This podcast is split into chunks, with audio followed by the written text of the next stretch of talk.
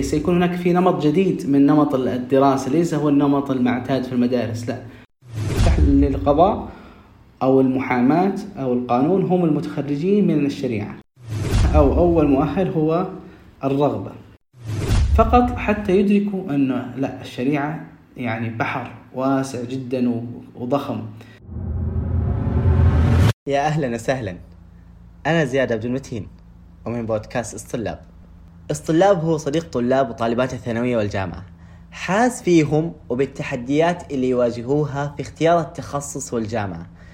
ياخذ بيدهم خطوة بخطوة في اختيار التخصص المناسب لهم ويوضح لهم مختلف التخصصات سواء كانت صحية أو هندسية أو إدارة أعمال أو حتى تخصصات الحاسب وغيرها. وبنتكلم كمان في الطلاب عن مواضيع رهيبة وقريبة من طلاب وطالبات الثانوية والجامعة. العنصر الأهم هم أصدقاء الطلاب. بدعمكم وتقييمكم في أبل بودكاست ونشركم للحلقة لأصحابكم. وعشان تعرفوا الخلطة السرية لاختيار التخصص لا تنسوا أنكم تمروا على جزيرة خطوات اختيار التخصص. رابطها في وصف الحلقة.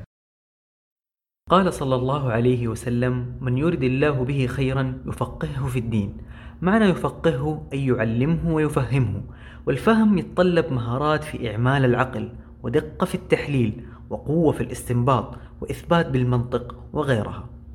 العلوم الشرعية بمختلف أنواعها تتطلب العديد من المهارات ومو أي شخص يتقن هذه المهارات مثل الذكاء اللغوي والتحليل المنطقي وغيرها. للأسف أتكون انطباع خاطئ من البعض إنه معظم الطلاب والطالبات في التخصصات الشرعية من الأشخاص اللي جابوا نسب منخفضة في المرحلة الثانوية. وبكذا تكونت صورة نمطية خاطئة عن التخصصات الشرعية. بينما التخصصات الشرعية تتطلب مهارات متنوعة مثل اللي ذكرناها وأكثر. طيب لو كنت طالب أو طالبة تجتمع فيك المهارات المطلوبة وتحب التخصصات الشرعية وسوق العمل بيدعمك هل تتخصص في المجال الشرعي؟ مع بعض بنتعرف على التخصصات الشرعية ورحلة طالب الجامعة وسوق العمل ومتطلباته والفرص الوظيفية. يشرفنا الأستاذ عبيد الظاهري خريج جامعة أم القرى في تخصص الشريعة وحاصل على درجة الماجستير من جامعة الملك عبد العزيز في أصول الفقه ومعيد في جامعة جدة في قسم الدراسات الإسلامية والمشرف العام على شركة نديم وهي شركة غير ربحية تهدف إلى تنمية المعرفة ونشر الفائدة في المجتمع. يا هلا وسهلا أستاذ عبيد وشرفتنا ونستنا. أهلا وسهلا بك زياد يا مرحبا بك. الله يحييك ويسعدك يا رب. بداية آه، سؤال ممكن كثير من الناس يسألوه عن تخصصات العلوم الشرعية. تخصصات العلوم الشرعية تخصصات كثيرة لكن ودهم يعرفوا آه، إيش هذه التخصصات بشكل مبسط؟ أهلا بك زياد وأشكرك على هذه الاستضافة الجميلة وإن شاء الله يكون هذا اللقاء مفيد وخفيف على المستمعين. العلوم الشرعية بلا شك أنها في الأصل هي يعني شيء واحد لما نزل القرآن الكريم عن النبي صلى الله عليه وسلم وكانت القرآن والسنة. ثم بعد ذلك بدأت يعني بعد تقدم العلوم وتصنيفها وترتيبها بدأت يعني تتوزع. حتى بدأت أصبحت علوم كثيرة جدا. يمكن أن نقسمها بشكل إجمالي إلى مثلا أربع علوم أو خمس علوم. وإذا دخلنا في التفاصيل أكثر ممكن تفصل بشكل يعني تفصيلي أكثر. لكن إذا تكلمنا إحنا عن التخصصات الجامعية الموجودة فالغالب آه، تقسم إلى عدة أقسام. عندنا الأول قسم الشريعة أقسام الشريعة. والمقصود عندما نتحدث عن الشريعة نحن نتحدث عن الفقه. الفقه وأصول الفقه أي معرفة الأحكام الأحكام الشرعية. هذا ما يتعلق ب إذا شفنا كلية شريعة قسم شريعة فإحنا يقصدون به آه، بشكل أساسي الفقه وأصول الفقه. وإن كانوا بطبيعة الحال يدرسون بقية العلوم لكن يركزون أكثر نسبة الحديث عن الفقه وعدد ساعات هذه المواد الفقه وأصول الفقه هي أكثر من غيرها. فهذا الجزء الأول. الجزء الثاني ما يتعلق بالعقيدة. في قسم خاص بأقسام العقيدة ومن اسمه واضح أنهم يتحدثون عن الأحكام العلمية آه، في الشريعة ما يتعلق ب آه، يعني أركان الإيمان الستة الإيمان بالله ورسله وكتبه إلى آخره. هذا إذا القسم الثاني. القسم الثالث ما يتعلق بالكتاب والسنة. في أقسام اسمها الكتاب والسنة. آه، والكتاب يقصد به القرآن الكريم. فإذا ما يتعلق بالقرآن الكريم من تفسير وعلوم قرآن وأصول تفسير إلى آخره. والسنة يقصد بها الحديث ما يتعلق بالحديث الشريف آه، رواية ودراية. وبعض الجامعات قد تفصل لكن غالبا الفصل يكون في مرحلة الدراسات العليا. يعني مرحلة البكالوريوس غالبا يكون القسم آه، إما قد يكون آه، كتاب وسنة بهذا الاسم أو يكون دراسات قرآنية. آه ثم بعد ذلك يعني يعني تعتبر هذه أبرز ال ال يعني أبرز التخصصات الموجودة في العلوم الشرعية. وذلك بعض الشباب ممكن يحتار في البداية. هو ما يعرف أنا أخش شريعة ولا أخش يعني كتاب وسنة ولا أدخل عقيدة. آه وأيضا في نقطة مهمة أيضا إنه في بعض الجامعات القسم اسمه دراسات إسلامية. دراسات إسلامية. هذا عام. وهذه الأقسام اللي اسمها دراسات إسلامية في الغالب أنها ليست تخصصية بأنها تأخذ علم معين وتركز عليه. هي غالبا تأخذ العلوم الشرعية جميعها برتبة واحدة في تشابه في المستويات لكنها تكون من حيث التخصص أقل أقل مستوى. آه، تمام. آه، خليني أخش معك في طبيعة الدراسة. آه، ممكن كثير منهم بيسأل دورة حياة الطالب الجامعي. الآن دخل على الجامعة. آه، ممكن من بداية التحضيري إن كان في سنة تحضيرية وفي جامعات ما فيها سنة تحضيرية إلى التخرج. من خلالها إيش إيش اللي بيدرس فيه الطالب الجامعي؟ هو يعني طبيعة الدراسة في علوم الشرعية طبيعتها إنه إنه الواحد سيدرس طبعا كتب قديمة من كتب التراث. سيكون هناك في نمط جديد من نمط الدراسة ليس هو النمط المعتاد في المدارس لا. في متون في شروح آه، وإن كان في مواد أخرى أيضا فيها النمط العصري الحديث. لكن غالبا الجامعات تجمع بين الأمرين. في وهذا مهم أيضا حتى حتى يكون طالب الشريعة معتاد على التعامل مع المراجع القديمة من الكتب القديمة ونحو ذلك. آه، طالب الشريعة يعني إذا بدأ في الدراسة ستكون عنده مواد تخصصية ومواد آه، تخصصية يعني في نفس التخصص الشرعي سواء كان فقه أو عقيدة أيا يكن. ثم مواد تكميلية في نفس العلوم الشرعية اللي هي يأخذ مثلا شيء في علوم القرآن شيء في علوم الحديث آه، نبذة لأن العلوم الشرعية مترابطة. يعني ما يصير واحد في الشريعة متميز جدا في الفقه وما يعرف شيء في العقيدة حتى لو هو تخصصه فقه. لابد يكون عنده اطلاع على على العقيدة. أيضا ما يصير هو مثلا متخصص في آه، في التفسير وما يعرف شيء مثلا في الفقه. فاذا لابد لطالب الكليات الشرعية إنه يدرس جميع العلوم الشرعية لكن التفاوت هو في النسب كم هذا وكم هذا. فيختار تخصص أو تخصصين هو الذي يركز عليها ويكمل بقية المواد. هذا إذا النوع الأول مواد تخصصية، النوع الثاني مواد تكميلية، النوع الثالث ممكن مواد عامة بحسب الجامعة ماذا تضع؟ ممكن مواد ثقافة إسلامية أو بعض المواد يعني بعضها تضع مواد أخرى، بعض الآن في بعض المناهج يضعون أشياء تتعلق بالأشياء القانونية والنظامية لأنه كثير من الطلاب المتخرجين قد يتجه إلى نحو القانون ونحوه فيكمل نفس آه، يكمل يأخذ بعض النبذه عن هذه العلوم. آه سؤال معلش آه في بعض التخصصات لها مدخل للقانون. آه من من تخصصات العلوم الشرعية فإيش هذه التخصصات؟ طبعا إحنا تكلمنا عن القانون نتكلم عن الأحكام. ف اذا في الشريعة فقط. الشريعة هم الذين يأخذون ما يتعلق بالقانون. يعني يدخل العقيدة راح ما يصير محامي. يدخل كتاب السنة ما يصير محامي عرفت؟ مين اللي يدخل يصير محامي أو يصير قانوني؟ المتعلق بالفقه الذي درس الفقه وأصول الفقه. يعني في الشريعة. زي مثلا القضاة. الآن القضاء الشرعي في وزارة العدل ما ما يأخذون المتخرجين من آه، كتابة من من تخصص عقيدة أو تخصص علوم قرآنية أو تخصص كتاب والسنة. ما هذا هؤلاء غير مرشحين لهذه الوظيفة المرشح للقضاء أو المحاماة أو القانون هم المتخرجين من الشريعة. آه خليني أرجع معك نفس المحور آه طبيعة الدراسة. آه وأسألك يعني إيش أهم المواد اللي يدرسها الطالب آه، في هذه التخصصات نفسها في مواد كذا تكون مهمة نوعا ما. إحنا مثل ما قلت لك هو تختلف التخصصات داخل الشريعة. لكن آه هي المواد المهمه بحسب التخصص. أنت في الناس الطالب يشوف السجل الأكاديمي له ويشوف المواد الساعات غالبا ستكون في المادة التخصصية أكثر. فمثلا في الشريعة ستكون الفقه خمس ساعات مثلا في خمس ساعات في الفصل الدراسي وكذلك أصول الفقه. فهي هذه يسمونها مادة تخصصية. فهي ستكون أكثر يعني شيء ينبغي أن يركز عليه حتى بعد ما يتخرج التوظيف على هذه المواد. سيسألونك ممكن في مواد في في جوانب أخرى. لكن سيركزون على هذه. فهذه المواد التخصصية هي التي ينبغي للطالب أن يركز عليها وهي التي ترفع المعدل وتخسف المعدل يعني. آه، لأنها ساعاتها يعني آه، كبيرة مقارنة بغيرها. خليني أسألك الآن طالب المرحلة الثانوية عنده متطلب أو عنده طموحات معينة أو تقدر تقول عنده مهارات ومتقن في بعض المواد الدراسية هل لازم يكون يعني متمكن فيها؟ وإيش المتطلبات اللي تقدر تقول إنه هذا الطالب مؤهل لإنه يخش أحد التخصصات الشرعية؟ أيوه. أول مؤهل أو أول مؤهل هو الرغبة.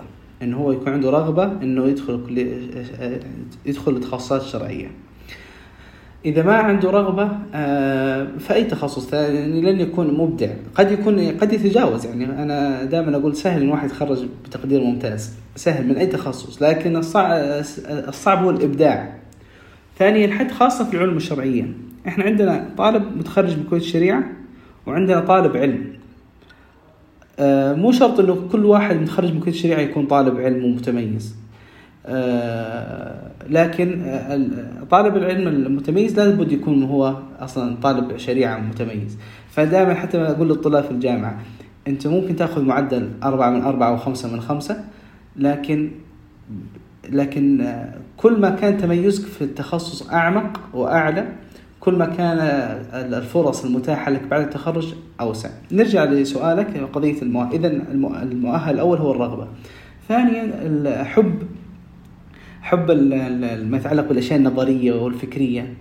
يعني الشريعة ما فيها أشياء عملية تتعلق بتركيب وتصنيع هي أشياء نظرية عقلية. تحتاج إلى إلى قوة في التحليل مهارات التفكير وقوه في مهارات التحليل. وهذا يعني يعني يحل إشكالية إنه في في تصور شائع إنه الشريعة سهلة. لا هو حقيقة الشريعة في الجامعة سهلة لكن أن واحد يكون عالم في الشريعة لا هذا أمر صعب. وأنا لما أدرس الطلاب في الثقافة الإسلامية في الجامعة بعضهم يكونوا في غير تخصصات الشريعة يكون مثلا طب أو هندسة أو غير ذلك. أتحدث معهم أحيانا في بعض الموضوعات التخصصية الدقيقة في الشريعة فقط حتى يدركوا أن لا الشريعة يعني بحر واسع جدا وضخم. أنا أقول هذا ليس حتى نخشى من الدخول في الشريعة وإنما حتى يكون الاستعداد بهذا الحجم. الطالب إذا كان في المدرسة يحب العلوم النظرية فيها ونحوها ويحب القراءة أو يميل إلى القراءة. يعني الشريعة مثل الطب من حيث أنه هي مهمة لا تنتهي. يعني يدخل الطب ما خلاص ما يتخرج من الطب ويوقف ما راجع. لا هي ستبقى معك. يعني لأنه إذا وقفت سنة أو سنتين من القراءة أنت معلوماتك سوف تقل وسوف يعني فلا بد هي هي تصير مهمة عمر ليست مهمة يعني تخصص. وخاصة إذا قلنا انه واحد داخل برغبه ويريد أن يكون شخص متميز في هذا المجال. آه جميل. آه الآن الطالب تخرج من المرحلة الجامعية. خليني أخش معاك على الوظائف وطبيعة العمل آه اللي بيواجهها الطالب نفسه. في مجالات أو تقدر تقول إنه في مجالات عمل وظيفية كثيرة ومسميات وظيفية يقدر يتخصص فيها الطالب يعني سواء من تدريس أو غيرها. خليني أسألك إيش هذه الأقسام؟ هو اولا يعني في نقطة مهمة وهي قضية إنه التخصصات الشرعية ما نحن بحاجة إليها ما دامت السماوات والأرض. يعني مهما تقدمنا ومهما صار عندنا تطور ومهما أي تقدم صناعي نحن بحاجة إلى وجود طلاب في العلوم الشرعية لأن الناس لأن هذا مرتبط بوجود الدين والدين موجود إلى قيام الساعة. فبعض الناس قد يكون يقول خلاص الناس إحنا تقدمنا فما نحتاج أصلا علوم شرعية، بل بعضهم ممكن يدعو إلى إغلاق هذه الأقسام الشرعية، وهذا غير صحيح، بل العكس كلما زاد التقدم الصناعي والتقدم التقني كلما زادت الأسئلة والاستشكالات التي يحتاج الناس فيها إلى جواب. ونحن مثلا تخيل مثلا وبل في تأخر يعني إحنا عندنا في في العلوم الشرعية في مواكبة هذه العلوم. يعني مثلا تجلس تجلس مع طبيب مثلا يقول لك كل يوم قاعد تطلع اختراعات إحنا نبغى نعرف إيش حكمها. آه، نبغى نعرف إيش تكييفها وهكذا. فاذا نحن بحاجة ماسة إلى أعداد كبيرة تدخل إلى إلى كليات الشرع الشرعية. طيب يأتي السؤال طيب هل في وظائف بعد ما أتخرج أو ما في وظائف؟ هذه فيها عاملين مؤثرين، العامل الأول هو قضية تميزك أنت، أنا مؤمن إنه أي إنسان متميز في أي تخصص سوف يجد فرصة أو سيخلق. الت- المتميز يفرض نفسه حقيقة. والسوق يعني وأنا في سوق العمل يعني وعندنا في, إدارة جمعيات وشركات نحن فيه يعني في ما زلنا نبحث عن موظفين مميزين والموظف المميز حقيقة هو يستطيع أن يسوق لنفسه. هذا هذا النقطة الأولى، النقطة الثانية إنه إنه التخصص آه، ميزة التخصص الشرعية إنه في قدرة على العمل كوظيفة أو كعمل كمستقل، يعني تعرف بعض في بعض التخصصات لا يمكن تشتغل كمستقل. يعني مثلا يعني مثلا طبيب. ما في طبيب مستقل إلا إذا كان عيادة خاصة. لكن أنا أنا مثلا في البيت جالس يعني غير متصورة. ال- بحسب ظني يعني. الشاهد إنه لا، كلية الشريعة لا ممكن واحد يشتغل لوحده يشتغل في وظيفة يشتغل في شغل عام. آه، أيضا آه، ممكن ال- يعني كنا نحن لما تخرجنا من كلية الشريعة كنا دائما ندخل نروح المدارس الأهلية. والمدارس الأهلية آه، هي فترة أحيانا بحث للإنسان. يعني ما كان واحد يجلس عاطل آه، لمدة ستة شهور سنة يبحث عن وظيفة. يعني في وظائف ممكن الواحد يدخلها حتى لو كان راتبها متدني إلا أنها يستطيع أن يدخل فيها. في إمامة المساجد في خطابة المساجد في نحو ذلك. طبعا في قا... في دليل جميل عن مجال التخصصات. يعني اولا قضية مثلا إذا جينا نقول ما هي الوظائف اللي ممكن يدخلها المتخرج من كلية الشريعة. طبعا يفرق على حسب تخصصه. قلنا الشريعة غير الكتاب والسنة غير العقيدة. أوسع هذه التخصصات هي الشريعة. هي أوسعها. أوسعها من حيث الوظائف. يعني يدخل عقيدة ويدخل مثلا شريعة. أيهما سوف يكون فرص وظيفية أعلى بعد التخرج اللي يدخل شريعة؟ بس مو يعني أنا خلاص ما أدخل الشريعه إلا عشان الوظائف لا. يعني هي في اختيار التخصص يبغى له موازنة.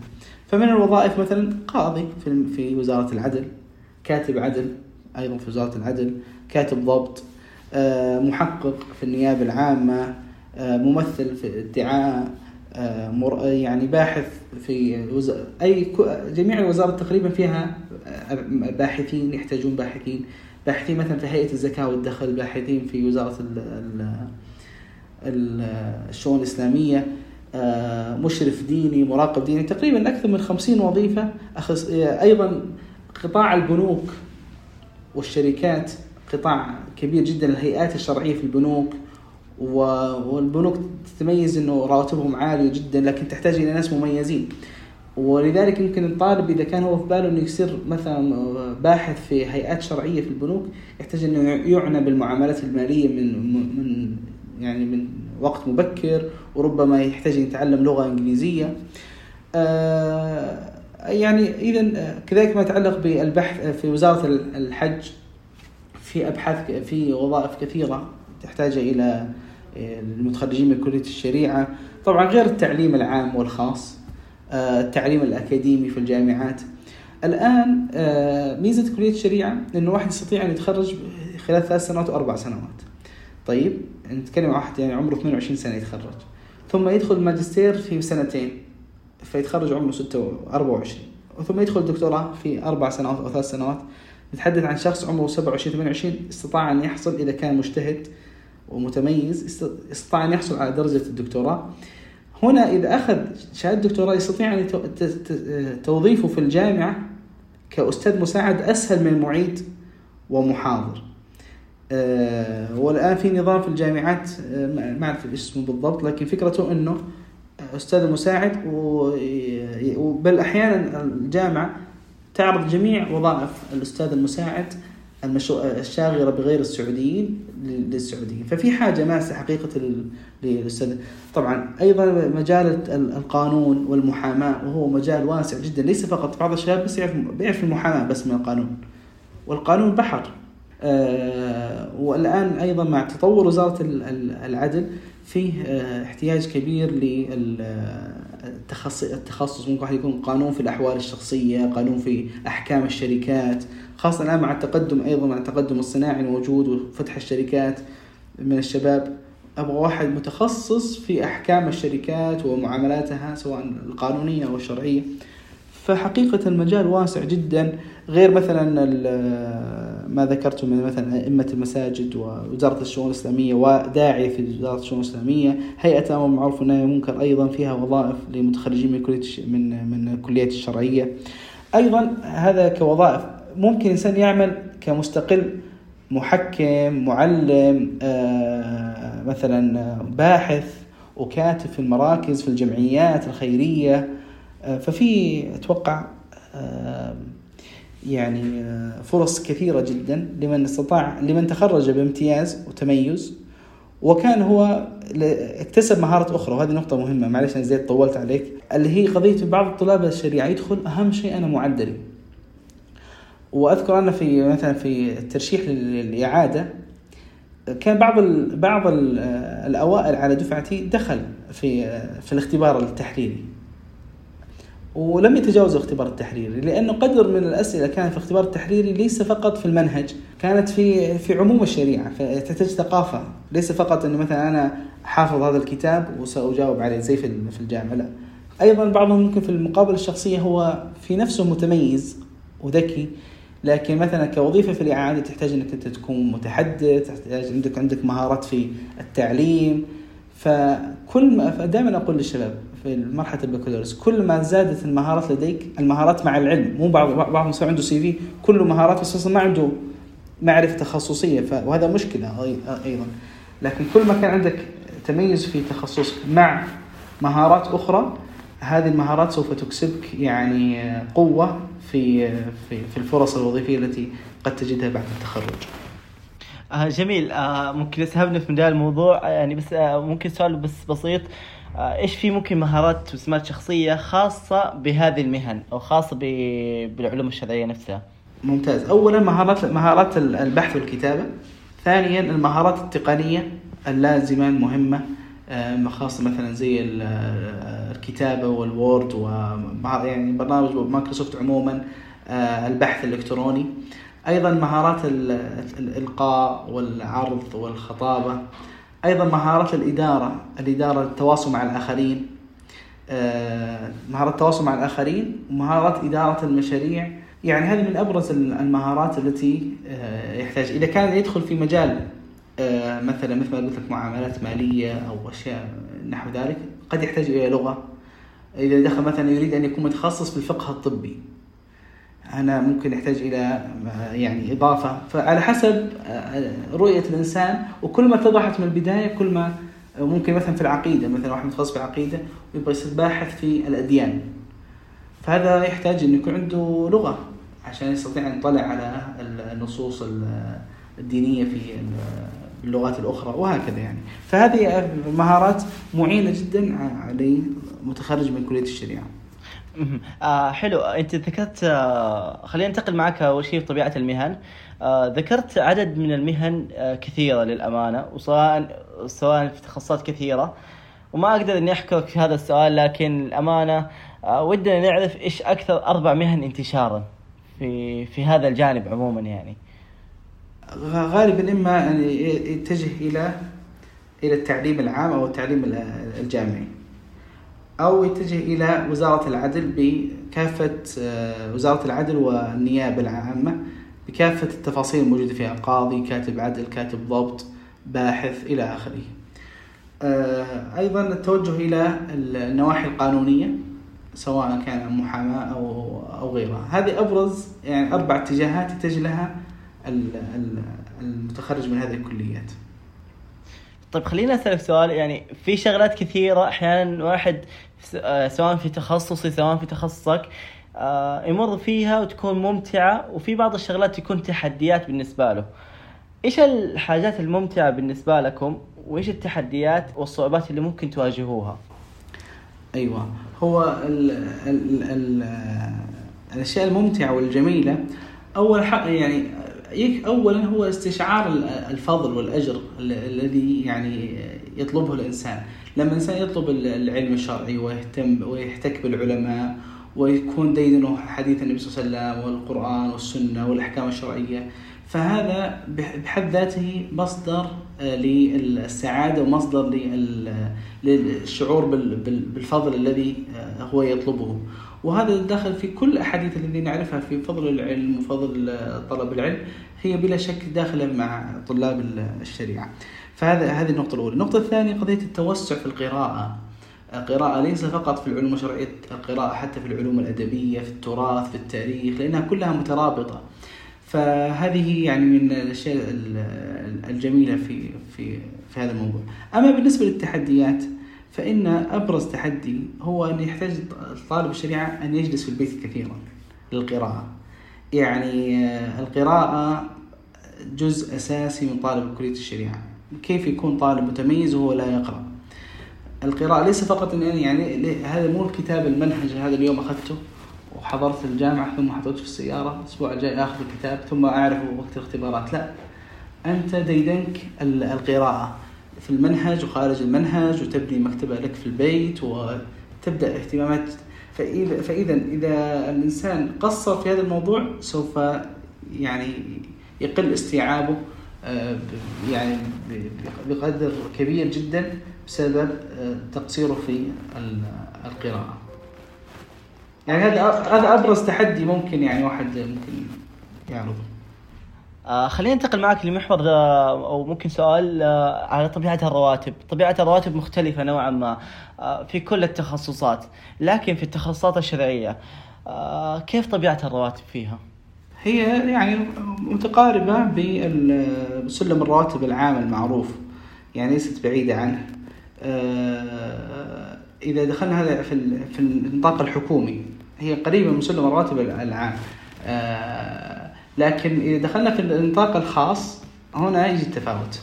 التفاوت حتى مو بس في الشركة في بين الشركات لا نفس الشركة الواحدة نفس الوحدة الواحدة يختلف فيها راتب. يعني أعرف صديقين آه، في في في شركة محاماة. طبعا في في مكاتب في شركات قانونية كبيرة يعني ضخمة. فهم في وحدة واحدة توظفوا في مدة متقاربة. لكن هذا يفرق راتبه تقريبا يفرق قرابة خمسة آلاف ريال عن صاحبه. كيف؟ من خلال هو إقناع هو تفاوضه معهم. هم يشوفون أنت كم ممكن تدخل فلوس. والله أنت قاعد تجيب لنا قضايا كبيرة وما شاء الله ومميز وكذا وهو استطاع أن يتفاوض معهم ممكن ب فالتفاوض هذا سهل في الشركات غير الطاقة الحكومي اللي هو في سلم واضح. فيعني آه، التفاوت يعني في النطاق الحكومي مثل ما ذكرت هو نفس أو قريب من السلم العام وفي الخاص يتفاوت آه، طيب جميل. آه، خليني بس اسالك يعني ممكن ذكرت في بداية اللقاء على على مستقبل هذه المهنة واعد لك السؤال ثاني. إيش توقعك لمستقبل التخصصات الشرعية؟ أيوه. طب هذا سؤال جيد وأنا عجبت لما شفته في المحاور وعجبت به حقيقة. آه، أنا أشوف إنه في مستقبل كبير جدا ومستقبل لابد منه. ربما تبدأ الكليات الشرعية تتخصص أكثر ممكن يصير يعني في في في يعني يكون في تغيير في المناهج. وهذا قد صار يعني الآن. جامعة أم القرى في في منهج جديد، جامعة الملك عبد العزيز أيضا منهج جديد، خطة جديدة عفوا، آه، أيضا جامعة الإمام محمد سعود، فجامعة عبد الرحمن بن فيصل في الدمام آه، صار عندهم منهج جديد كليا من حيث إنهم ركزوا على المهارات وصار في واجبات كثيرة يمكن الشباب في المنطقة الشرقية يعرفون هذا. آه، وإن كانت هي ما زالت تجربة ما ندري كيف النتائج التي ستخرج. لكن هو المستقبل يعني آه، ليس يعني بلا شك أنها ستبقى كلية الشريعة.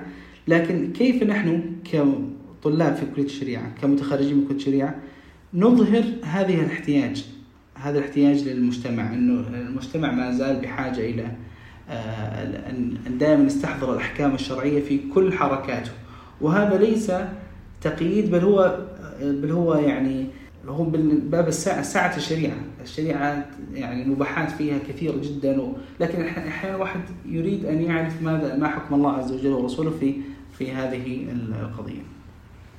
آه خلينا نختم معاك الله يعطيك العافية ويسعدك أستاذ عبيد آه بنصيحة أخيرة آه تقدمها لكل من يسمعك آه، نصيحتي إنه المرحلة الجامعية حقيقة مرحلة آم، يعني مهمة جدا من ناحيتين، الناحيه الوا... آه، أو من ثلاث نواحي ممكن نقول، الناحيه الأولى الوعي بالذات. هي فرصة في الجامعة إنك تعي بنفسك، تعرف قدراتك، تعرف رغباتك، تعرف الفرص اللي عندك، تعرف التحديات التي تواجهك.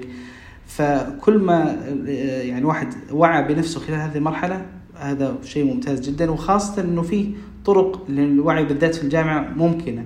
فالإنسان مكفى في في ماله ووقته مفرغ فيستطيع أن يجرب أشياء جديدة ويخوض تجارب وهكذا. الن- الناحية الثانية التركيز على الت- الت- التخصص الجي يعني إتقان التخصص إتقان التخصص. إذا الوعي بالذات الثاني إتقان التخصص آه، وخاصة عند كلية الشريعة في أحيانا بعض الشباب يقول والله أنا أبغى أدرس الشريعة برا الجامعة وفي الجامعة مو مهم. ثم يتخرج بتقدير مقبول أو ضعيف ويتورط فيما بعد ذلك حتى يتورط في قضية إكمال الدراسات العليا أصلا. الأمر الثاني إذا إتقان التخصص. الوصية الثالثة والأخيرة وهي آه، تكميل البناء الذاتي بالمهارات والمعارف الأخرى. يعني ليس أنت تصير غارق في التخصص وما تعرف شيء آخر. لا تعلم لك هوايات أخرى آه، جوانب ثقافية مختلفة. اكتسب مهارات تعينك على في حياتك وتعينك في حياتك الوظيفية. الله يعطيك العافية ويسعدك أستاذ عبيد أخذنا من وقتك و... وشكرا لك على تشريفك معنا. الله يرضى عليك ويسعدك وأنا أشكركم وإن شاء الله يكون لقاء مفيد وخفيف.